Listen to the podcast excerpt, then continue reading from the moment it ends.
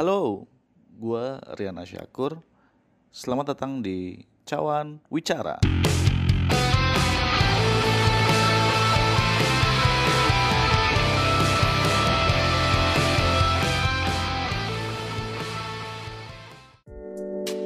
Halo teman-teman, selamat datang lagi di Cawan Wicara. Aduh, udah lama banget ya ngerekam lagi untuk podcast. Akhirnya sekarang ngerekam lagi dan setelah ketemu dengan beberapa teman di dunia maya karena nggak bisa langsung bertemu ya ketika Instagraman.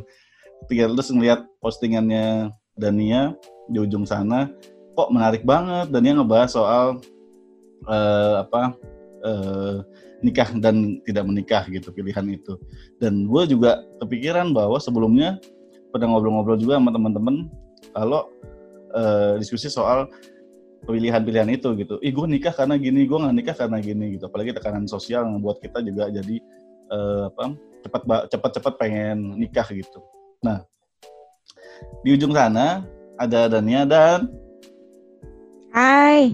Hey. Apa kabar kalian? Akhirnya keluar juga dari gua Anda ya. Oh, baik. Saya pantai yang keluar dari gua ya. Soalnya sempet kayak nungguin gitu kan. Ini kok kayaknya biasanya dia tiap minggu ngomongin, eh gue podcast minggu ini ngomong ini, gue podcast minggu ini ngomong ini. Kok kayaknya agak dingin-dingin basi gimana? Apa dulu bun? Apa dulu. Nah, tadi gue gara-gara lo jadi keluar dari gua lagi, bakar ini kan, oh, bakar minyak lagi. Baik. Baik. Nah itu dan gimana gimana? Uh, hmm. Pas kemarin lo tulis itu gue jadi kepikiran lagi flashback kayak hmm. ngobrol soal itu sama teman-teman kan teman-teman muda eh, khususnya. Karena tekanan sosial di kita yang ngebuat kita jadi apa ya uh, dilema gitu, dilema ke diri sendiri.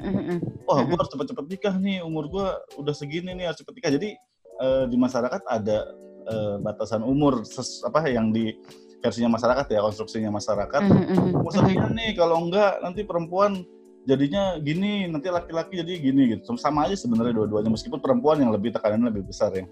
Nah menurut lo mm-hmm. eh, gimana sih pendapat lo soal tekanan sosial ini yang lo terjadi nggak sih kayak gini nih di lingkungan sekitar lo? Wah kalau terjadi udah pasti terjadi ya karena kalau enggak nggak mungkin nulis kan, itu ya. Kalau nggak mungkin nulis. Kalau karena di kita nggak ngomongin sebenarnya nggak cuma di Indonesia sih, aku yakin itu hmm. secara global. Uh, yang namanya pernikahan itu dianggap sesuatu fase hidup yang wajib harus banget dilalui oleh pasangan gitu, oleh seorang manusia.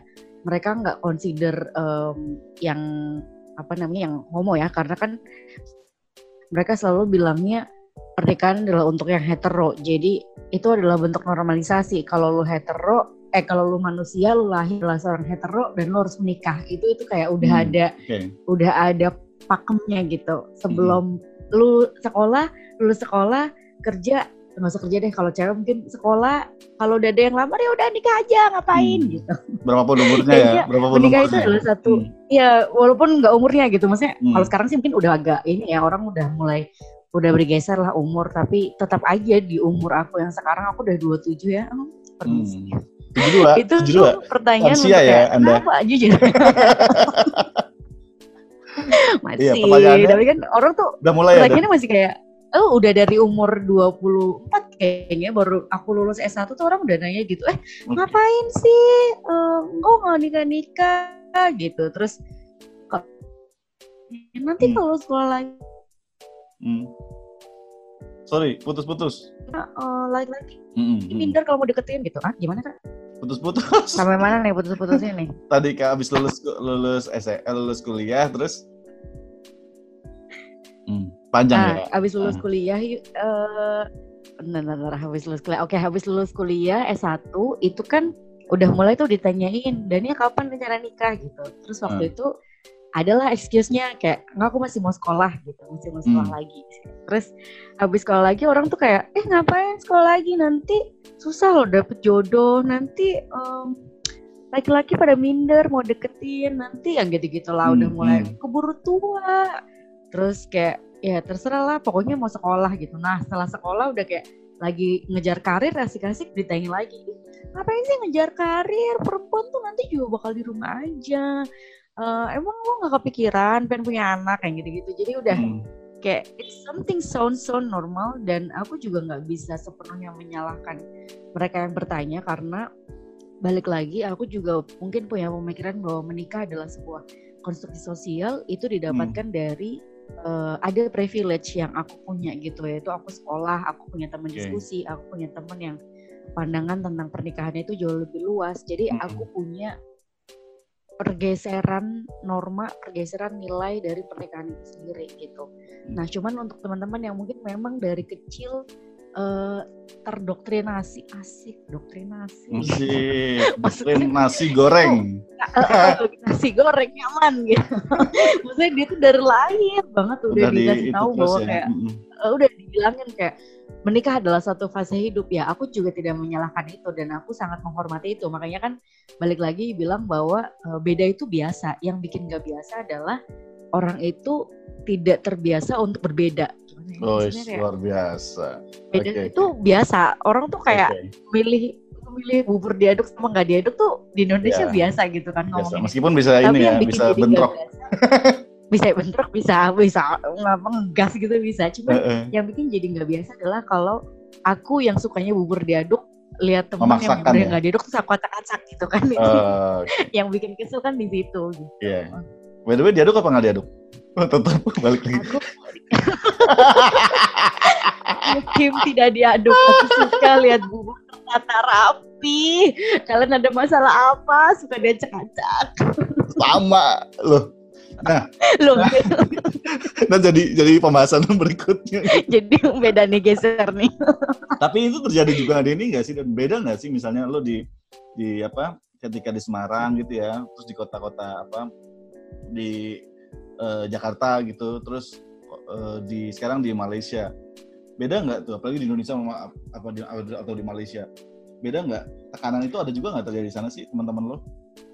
Uh, ini uh, sebenarnya membuka rahasia sih tapi nggak apa-apa hmm. deh jadi um, sejak tahun lalu karena aku tuh ke, tahun lalu kan liburan ke Lombok ya waktu itu hmm. uh, karena juga pasti ingat aku ke Lombok liburan sekitar dua mingguan dan setiap kali aku lagi jalan sama temen aku tuh orang akan nanya udah nikah belum udah nikah oh. belum nah setiap kali aku jawab belum orang itu langsung there is a additional question gitu. Ada pertanyaan lanjutan kayak, eh kenapa belum nikah? Eh ini tetangga saya kayak orang satu kali nyari awak jodoh ya kan? Iya iya iya itu dari dulu ya masih pelanggang. Iya ya? kan itu hmm, hmm. itu masih ada banget gitu. Nah terus kepikiran, eh kenapa ya? Akhirnya aku beli cincin cincin yang aku pakai di uh, jari manis emang sebelah kiri sengaja dipakai serius uh, sengaja dipakai supaya orang taunya aku udah menikah gitu okay. itu adalah cara yang setelah setahun ini aku jalani itu nyaman banget. Jadi kalau ada yang okay. lagi dengerin podcast dan suka traveling sendiri kayak aku belilah cincin ya. Cincin. aja lagi menikahi diri sendiri.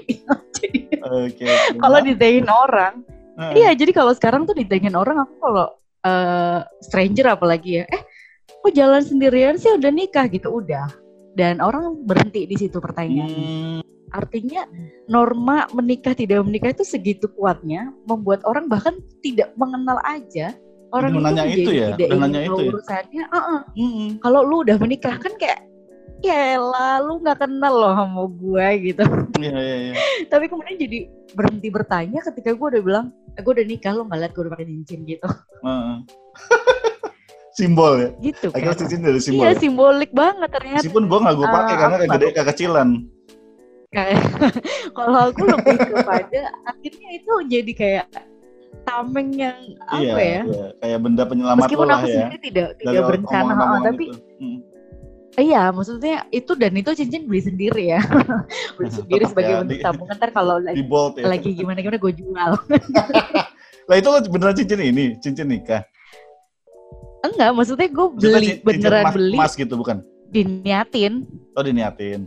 Iya, cincin beli. emas, cincin emas. Cincin emas, oke. Okay. Uh, apa ini cincin emas beneran cincin emas terus yang desainnya juga kayak desain cincin nikah gitu dan hmm. aku pakai di jari manis. Oke. Okay. Luar biasa. Nah, itu kalau di Indonesia ya. Kalau di Malaysia dan hmm. selama lo iya, tinggal di sana sama. sama ya? Justru justru karena di sini kayak misalnya aku naik grab gitu ya orang tuh udah sebenarnya udah nanya kenapa pergi sendiri? gitu. Nanti aku Oh. bakal bilang oh iya soalnya eh, suami lagi pergi gitu. Dan itu jauh lebih comfort ketika dan mereka akan berhenti bertanya ketika aku udah bilang kalau I'm a married man I'm a married woman gitu. Dan itu menurut aku kayak gila lo nilai gue hanya dihargai dari se- sebuah cincin Ya. yang ku sematkan di jari karena aku menikahi diri sendiri hari ini Iya iya iya. iya. jadinya Gila ya. gitu kesel kan Mm-mm. Cincin ya. Tapi gue ini Iya, ya, Wah. maksudnya orang strangers yang kita nggak kenal, kok bisa ngomong gitu ya? Nanti ngomong hal-hal yang sifatnya privat gitu loh. Apakah kita memang terlalu ramah orangnya? Karena ada temanku eh, bule Mhm. Australia waktu itu, pas ketika ke sini pun ditanya sama pertanyaannya gitu. Udah nikah? Di mana suaminya? Gitu-gitu loh.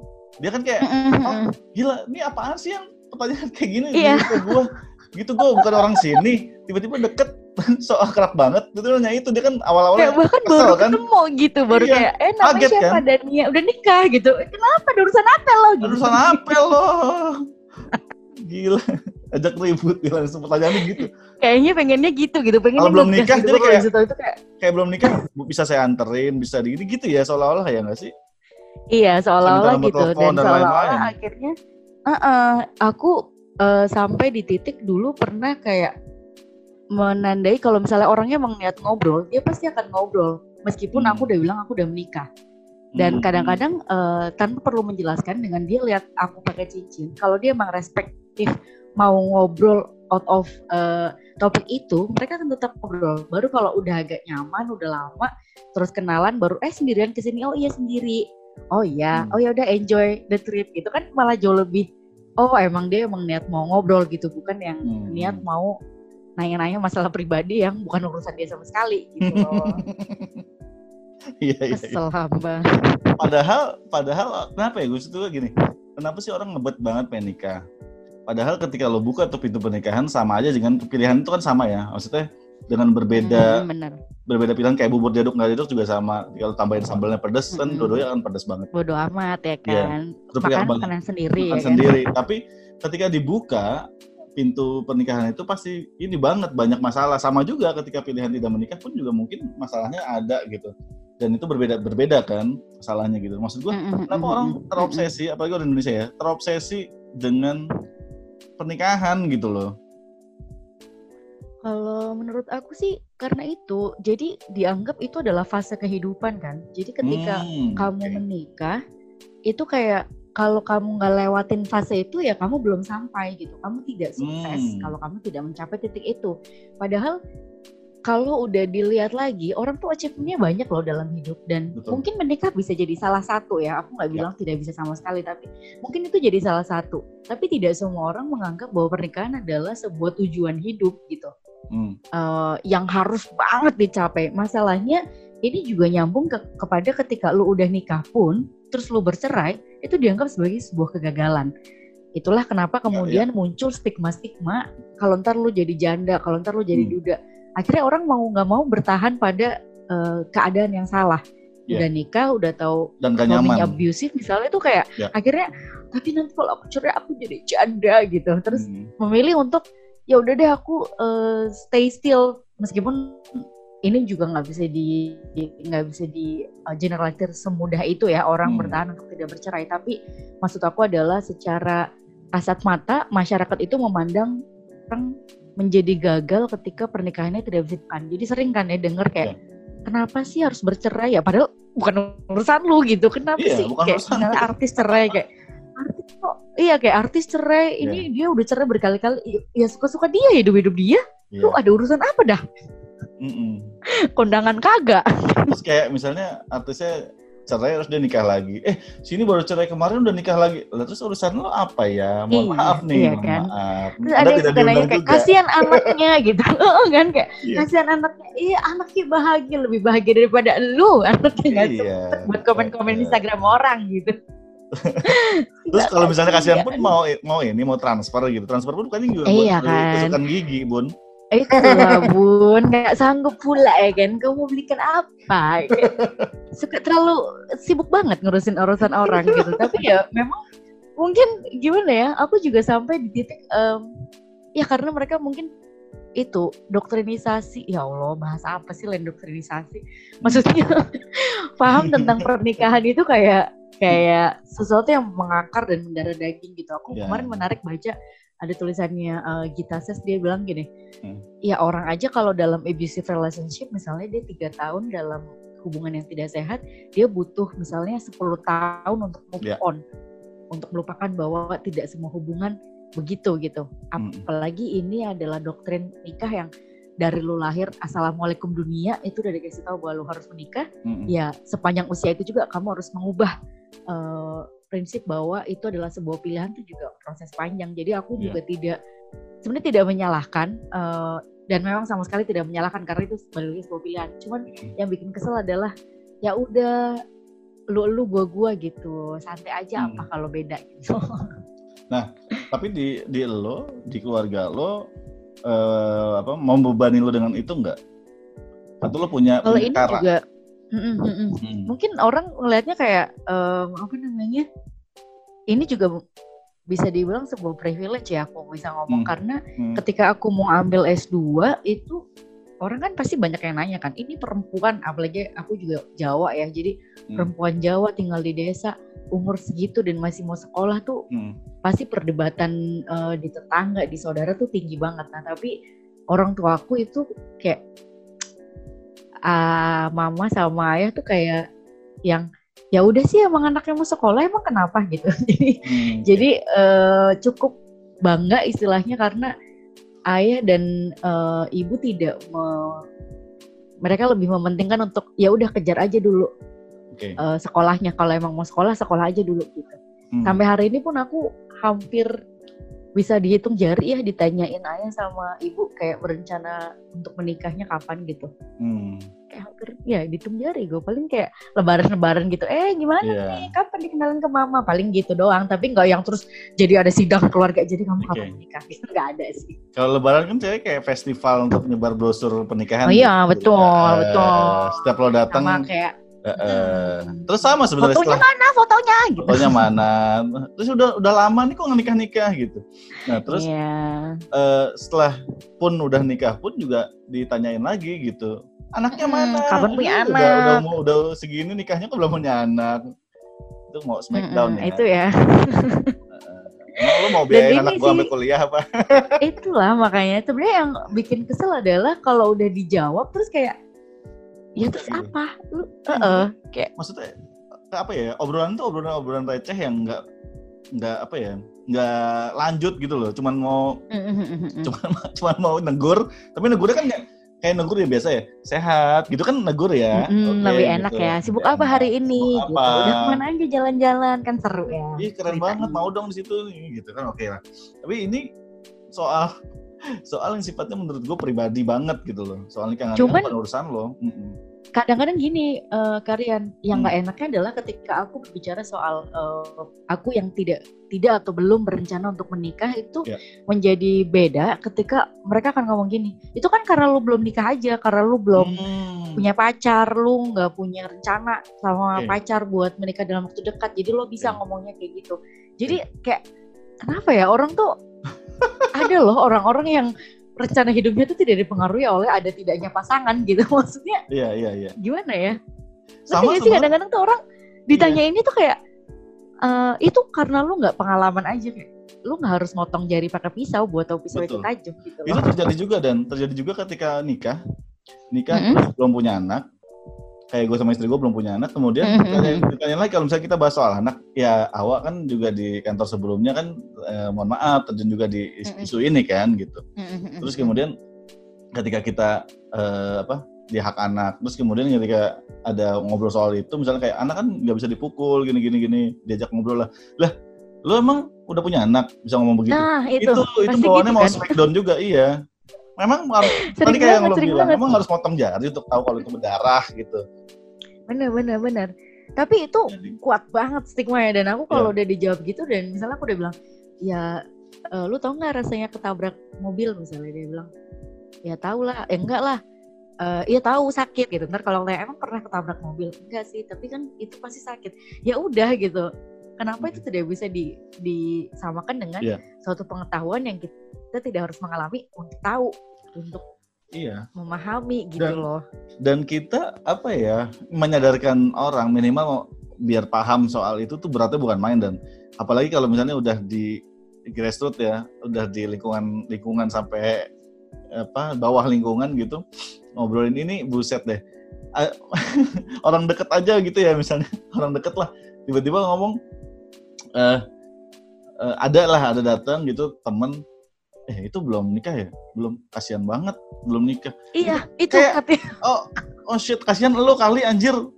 Kasihan iya lo. maksud aku tuh gitu kayak urusan orang. aku suka dibilangin kayak iya kayak kasihan banget sih dia udah karirnya bagus tapi belum nikah. Gue kayak iya.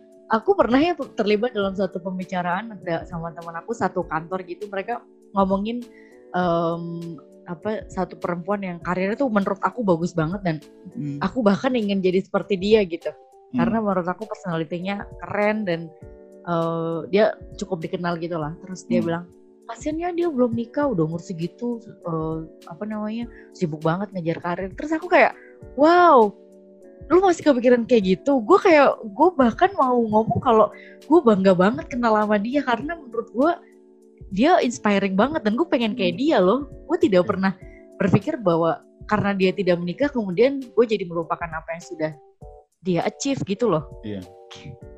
orang tuh devaluate devaluate people hanya karena ih kayak gitu kasihan karirnya udah bagus udah udah keliling dunia tapi belum nikah yang kasihan lucu ya kayak, iya. pengen ngomong gitu rasanya kan? Terus kalau juga misalnya ada teman juga dekat sama, sama beberapa inilah ya beberapa hmm. cowok dekat kita memang orangnya hmm. deket banget. Terus ada ada inilah mama lah. Tiba-tiba ngomong eh kasihan banget ya. Dia pacarnya banyak tapi nggak nikah nikah umur udah masuk 40 lah terus urusannya apa? Yang nyuruh lo masuk ke kehidupannya dia siapa iya maaf gitu nih. kan Kayak pengen bilang kalau kita nikah nggak diundang loh Anda. Gak diundang. Gak diundang. Bahkan zoomnya aja nggak diundang loh Anda. Nggak diundang, nggak diundang. Gak, Fotonya aja belum tentu gue kasih tahu. Iya, ya. Boro-boro ngambil itu apa daging kambing banyak nggak? Nggak boleh. Bisa nggak bisa? Nggak tidak boleh. Nggak boleh ngantri. Nggak ikutan. Nggak boleh ngambil souvenir. gitu loh, jadi itu ya orang Indonesia tuh terlewat ramah ya. Jadi obrolan-obrolan obrolan-obrolan yang harusnya nggak diomongin diomongin. Terlalu ramah. Terlalu ramah dan kayak nggak apa ya orang tuh nggak biasa untuk saling saling menghargai perbedaan. Yeah. karena katanya bineka tunggal ika ya kan. Mm. tapi ya itulah urusan jangankan menikah nggak menikah ya. Tadi sederhana makan bubur suka durian. Kalau yeah. suka durian aja bisa orang kayak kenapa lu gak suka durian? Tersinggung gua. Ya allah. Iya. Sama masalah durian, kenapa durian ini aja. gitu. misalnya habis makan durian lu tangannya biar nggak bau dicuci pakai air yang taruh di situ kan. Sama ada juga yang enggak kan. Mm -mm, ngapain sih cuci di situ? Pakai sabun lah itu aja udah ribut sendiri. Iya nah, makanya kayak kan pengen ngomong santai aja bunda iya, gitu. santai aja bunda. Kan tangan tangan awak ya kan bukan tangan elu iya kan. Mau cium ciumin ke hidung lu gitu. Kayak aduh nah, ini urusan orang ya. Gila. Hmm. nah soal nikah muda sekarang. Kalau komentar lu soal nikah muda gimana hmm. yang kali udah nikah nih ya maksudnya nikah yang umurnya ke apa di ada batasan umur tuh. Kemudian sekarang nikahnya lebih hmm. lagi nih di bawah di bawah usia itu malah tekanan dulu beda-beda nih. Ada yang 30 hmm. udah diiniin, sekarang turun di 25 yang hmm. sekitar ya, terus 20-an. Hmm. Nah sekarang bahkan di 18, 18. tahun, uh, uh, itu juga bahkan udah terjadi di kota-kota nih, ada kampanyenya juga nih pun. Gimana nih? Kalau menurut aku pernikahan itu kalau terjadi di usia muda itu selain um, selain kita bicara bahwa itu memang sebuah pilihan ya. Dan aku dari dulu juga selalu bilang bahwa aku sangat menghormati keputusan seseorang untuk menikah asal keputusan itu didasari oleh maksudnya konsen konsisius. Gimana sih? Penuh sadar hadir utuh Asik. memutuskan untuk menikah gitu. Maksudnya bukan yang okay, dipaksa bukan yang apa namanya uh, penuh ancaman dan lain-lain. Menurut sesuatu yang akhirnya jadi perempuan atau laki-lakinya nggak punya pilihan selain menikah yaitu uh, pasti akan kita akan against it lah. Tapi kalau misalnya dia memang secara penuh sadar hadir utuh mau menikah dan dia um, tahu hidupnya akan baik-baik aja ketika dia menikah ya menurut aku sah-sah aja. Nah, cuman yang menjadi susah adalah orang yang biasanya kampanye nikah muda hmm. itu mereka yang punya privilege. Kayak hmm. misalnya yang sempat viral banget tuh yang yeah. di ya. YouTube dia nikah muda. Ya hidupnya emang ya? udah nyaman gitu. Hidupnya hmm. tuh udah kayak istilahnya dia menikah itu udah nggak pakai mikirin besok pagi mau makan apa gitu. Yeah. Dia kayak nggak perlu mikir cicilan rumah siapa yang mau bayar karena yeah. udah ada kayak bangun assalamualaikum udah udah atapnya udah nyaman untuk dia tinggal berdua kayaknya orang tuanya oh. juga tidak keberatan untuk kemudian um, membantu istilahnya membiayai yeah. misalnya kita sih nggak tahu ya ceritanya tapi kan katanya yang uh, laki-laki waktu itu adalah sangat sukses tapi kita juga pasti pasti melihat juga ada faktor-faktor yang dimiliki mereka ini yang tidak dimiliki orang lain yang membuat mereka menjadi nyaman-nyaman aja untuk menikah okay. di usia muda itu dan aku juga dulu kan sempat ya ada penelitian soal uh, child marriage di salah ya. satu yeah. desa di Jawa Tengah itu ketemu juga yang mereka yang uh, menikah benar-benar di usia kayak 13 14 tapi 13. bahagia bahagia aja uh, jadi karena menurut mereka menikah adalah sebuah bentuk mitigasi ekonomi jadi artinya okay. kalau dia menikah kemudian hidupnya menjadi lebih baik karena keluarganya emang udah nggak sanggup untuk membiayai.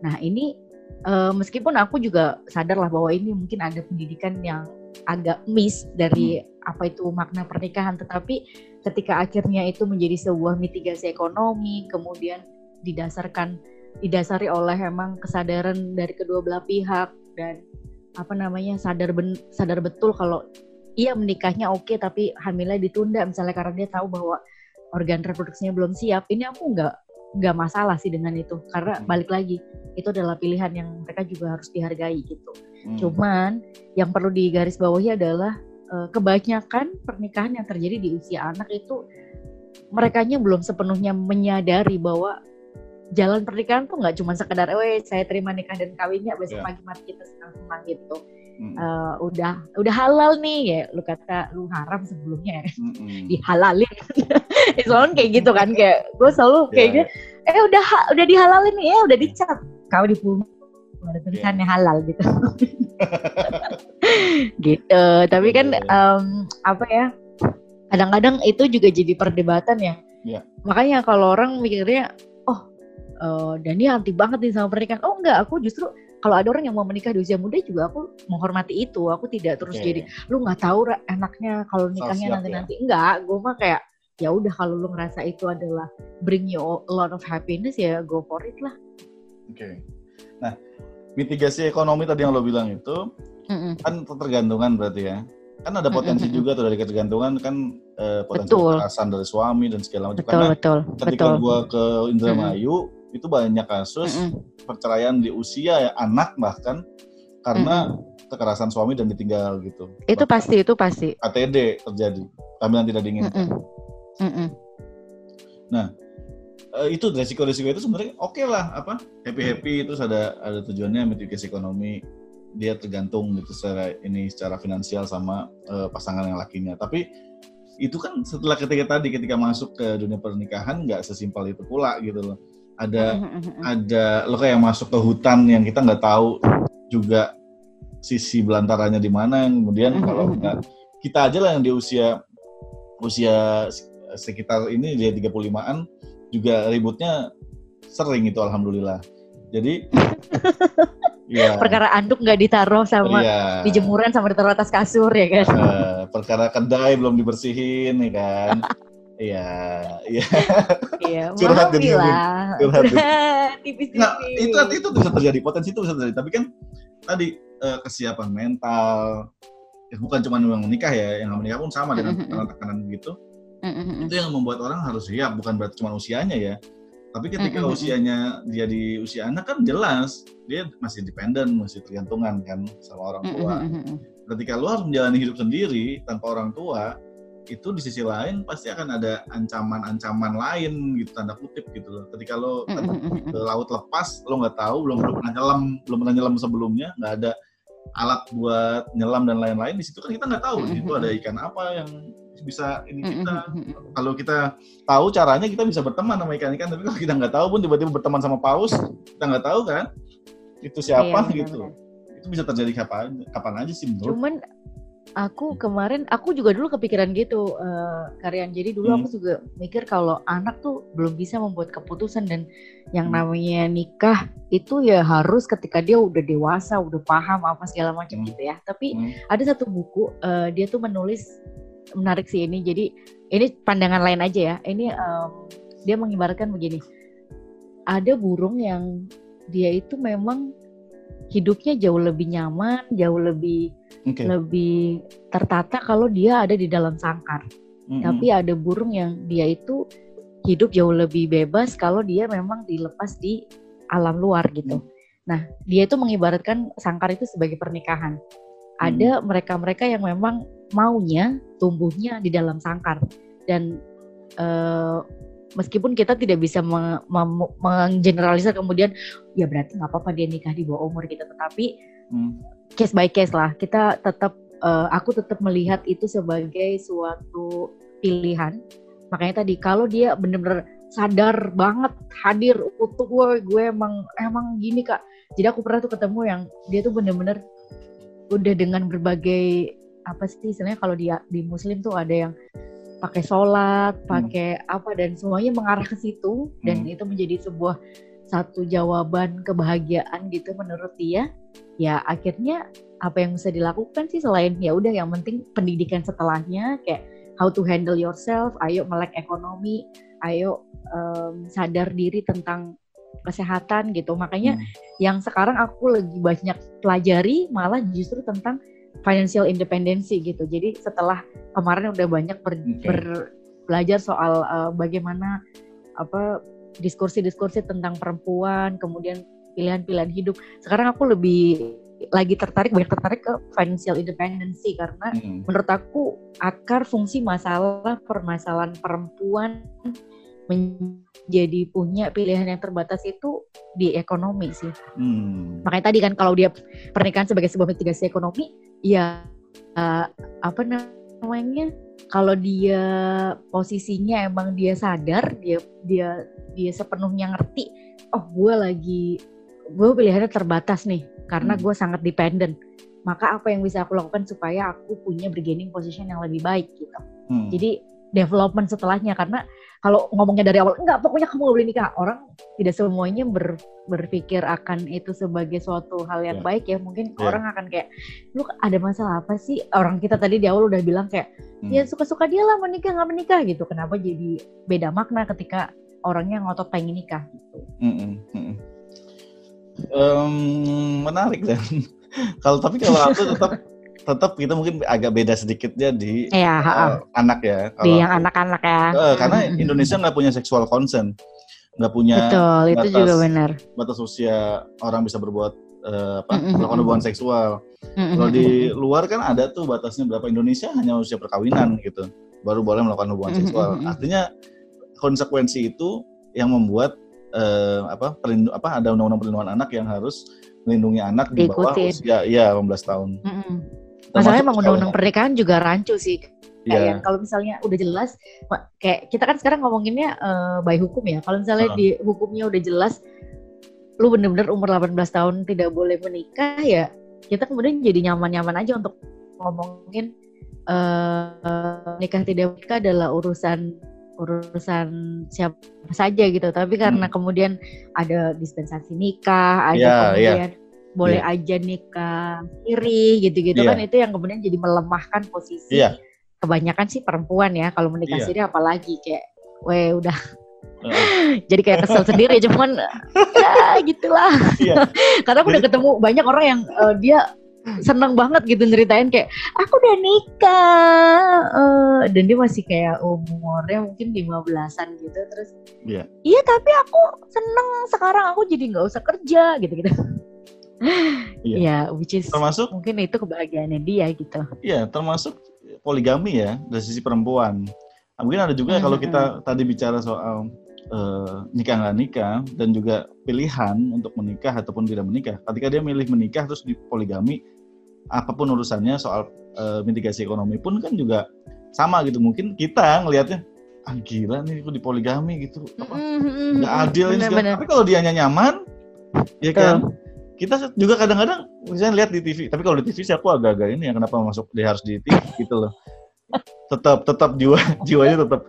Tapi aku berupaya untuk jalan ya, drama okay. kalau TV iya jadinya drama ini loh bahagia mm, bahagia bahagia gitu. Tapi aku melihat sorot matanya tuh nggak bahagia gitu kalau dari interpretasi kita. Tapi kalau misalnya pun uh, dia menerima itu dengan bahagia ya tapi nggak tahu ya dan satu maksudnya di satu or satu laki-laki gitu loh. Terus lu kemudian harus berbagi empat gitu. Dari sisi perempuannya ya meskipun kita harus hargai gitu pilihan itu tapi kan logisnya itu nggak masuk logisku lagi logisku aja kalau aku. Iya iya iya. Uh, paham sih. Maksudnya um, berbagi pilihan hidup itu kadang-kadang buat kita yang ngejalanin itu kayak apaan sih tapi ya dibalik lagi mungkin yeah. mereka yang ngejalanin juga ngeliat pilihan kita tuh kayak apaan yeah. sih gitu yeah. jadi kayak sesederhana misalnya uh, aku ya kalau soal traveling aku ini kalau traveling suka nyusahin diri kata orang jadi kayak misalnya aku tuh suka banget travelingnya yang kayak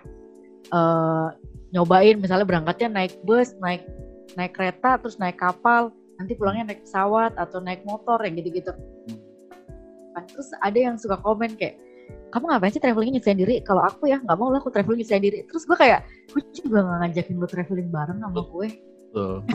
Kayak, kayak gue juga jalannya sendirian gitu. Lu ada urusan iya. apa? Harus kalau suka, kan suka banget tuh sering banget pasti Rian denger kayak ada orang suka ngomong kok dia suka banget ya travelingnya tuh nyusahin yeah. diri? Ih kalau gue sih jadi dia nggak mau. Ya lu bukan dia dan gue juga nggak mau jadi elu gitu.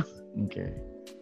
Oke, okay, dapat gitu sih, mungkin sederhana gitu sih. Iya sederhana sih. kayak uh, ya udah itu urusan lu. Pilihan-pilihan. Kalau butuh dibantu, kita ada di sini. Betul, betul. Luar biasa. Istilahnya gitu sih. Luar biasa. Ternyata di sana nyantren lo ya.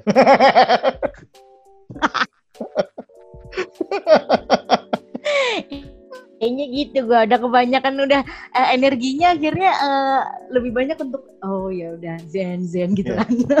Mari kita sama. Aku, aku, aku jujur aja.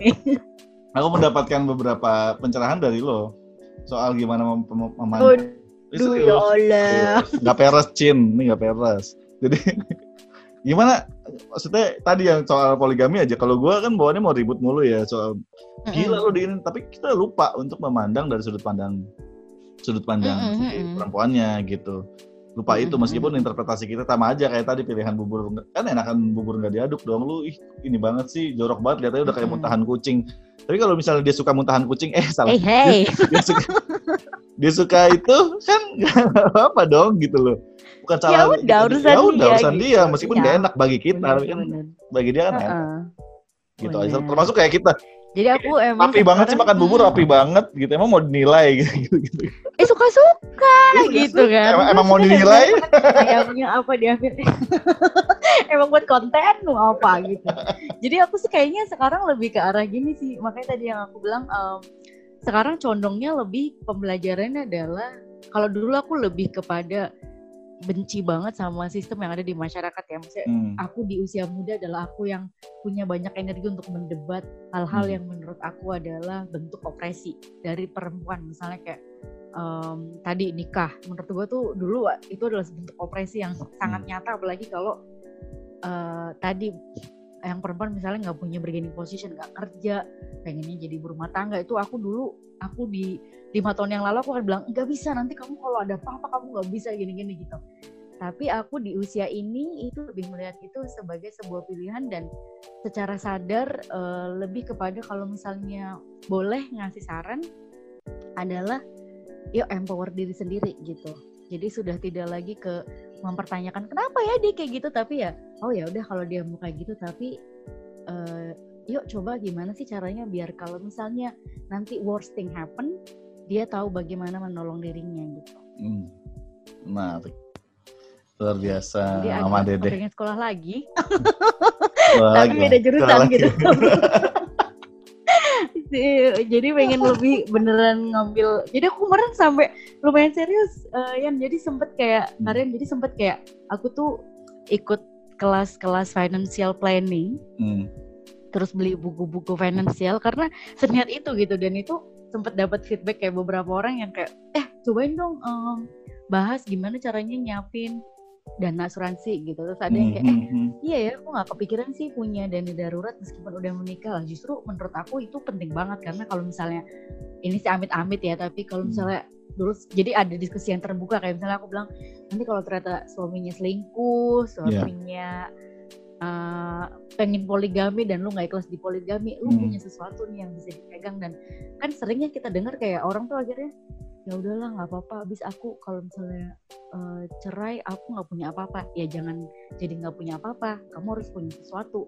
Either entahlah uh, bekali diri dengan um, apa namanya kemampuan-kemampuan baru atau ya itu atur keuangan gitu.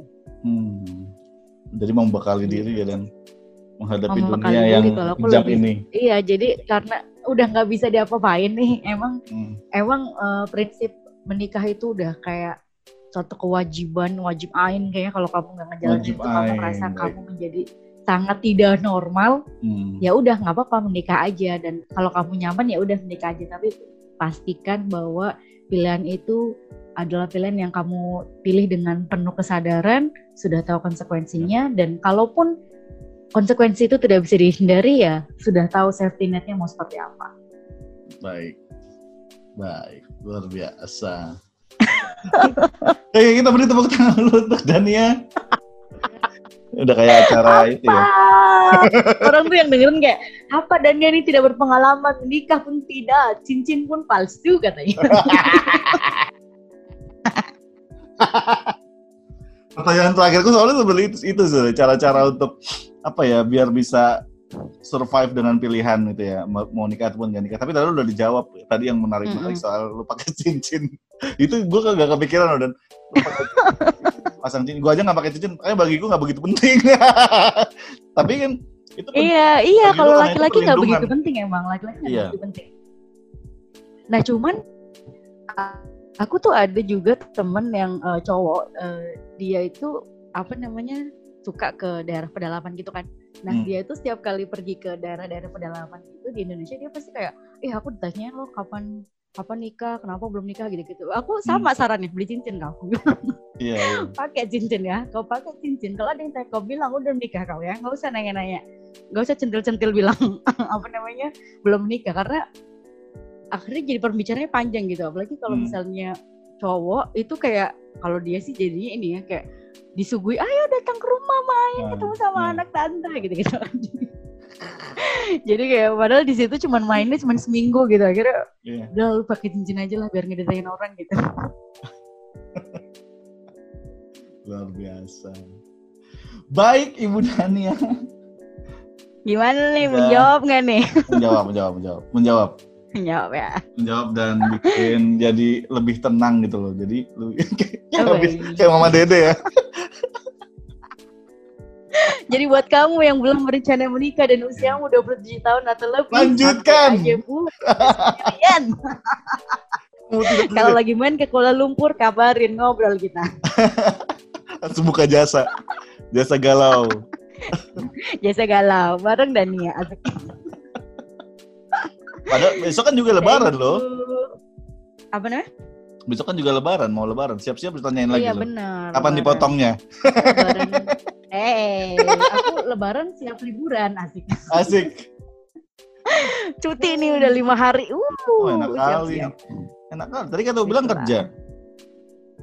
Iya karena um, iya udah balik ke kantor besok hari oh. Senin, tapi aku ambil cuti lima hari dan kebetulan emang di Malaysia ini travel dalam negeri tuh udah dibuka dari dua bulan yang lalu apa. Hmm, hmm. Terus temen-temen aku udah kayak, woi interstate ke mana-mana dan aku baru berani mau jalan tuh besok karena kayak kayaknya udah aman beneran nih. Karena kita juga akhirnya udah balik ke kantor jadi aku pikir ya oke okay lah, ya nggak apa-apa jalan. Cuman masih belum berani naik pesawat karena kayaknya hmm, nggak tahu pesawat itu kan siapa baru pulang dari mana lokal lokal aja dulu lah yang deket-deket gitu oke okay. thank you Dan thank you kalian undangannya. ya oh, thank you ya. Sehat selalu. Bye. okay.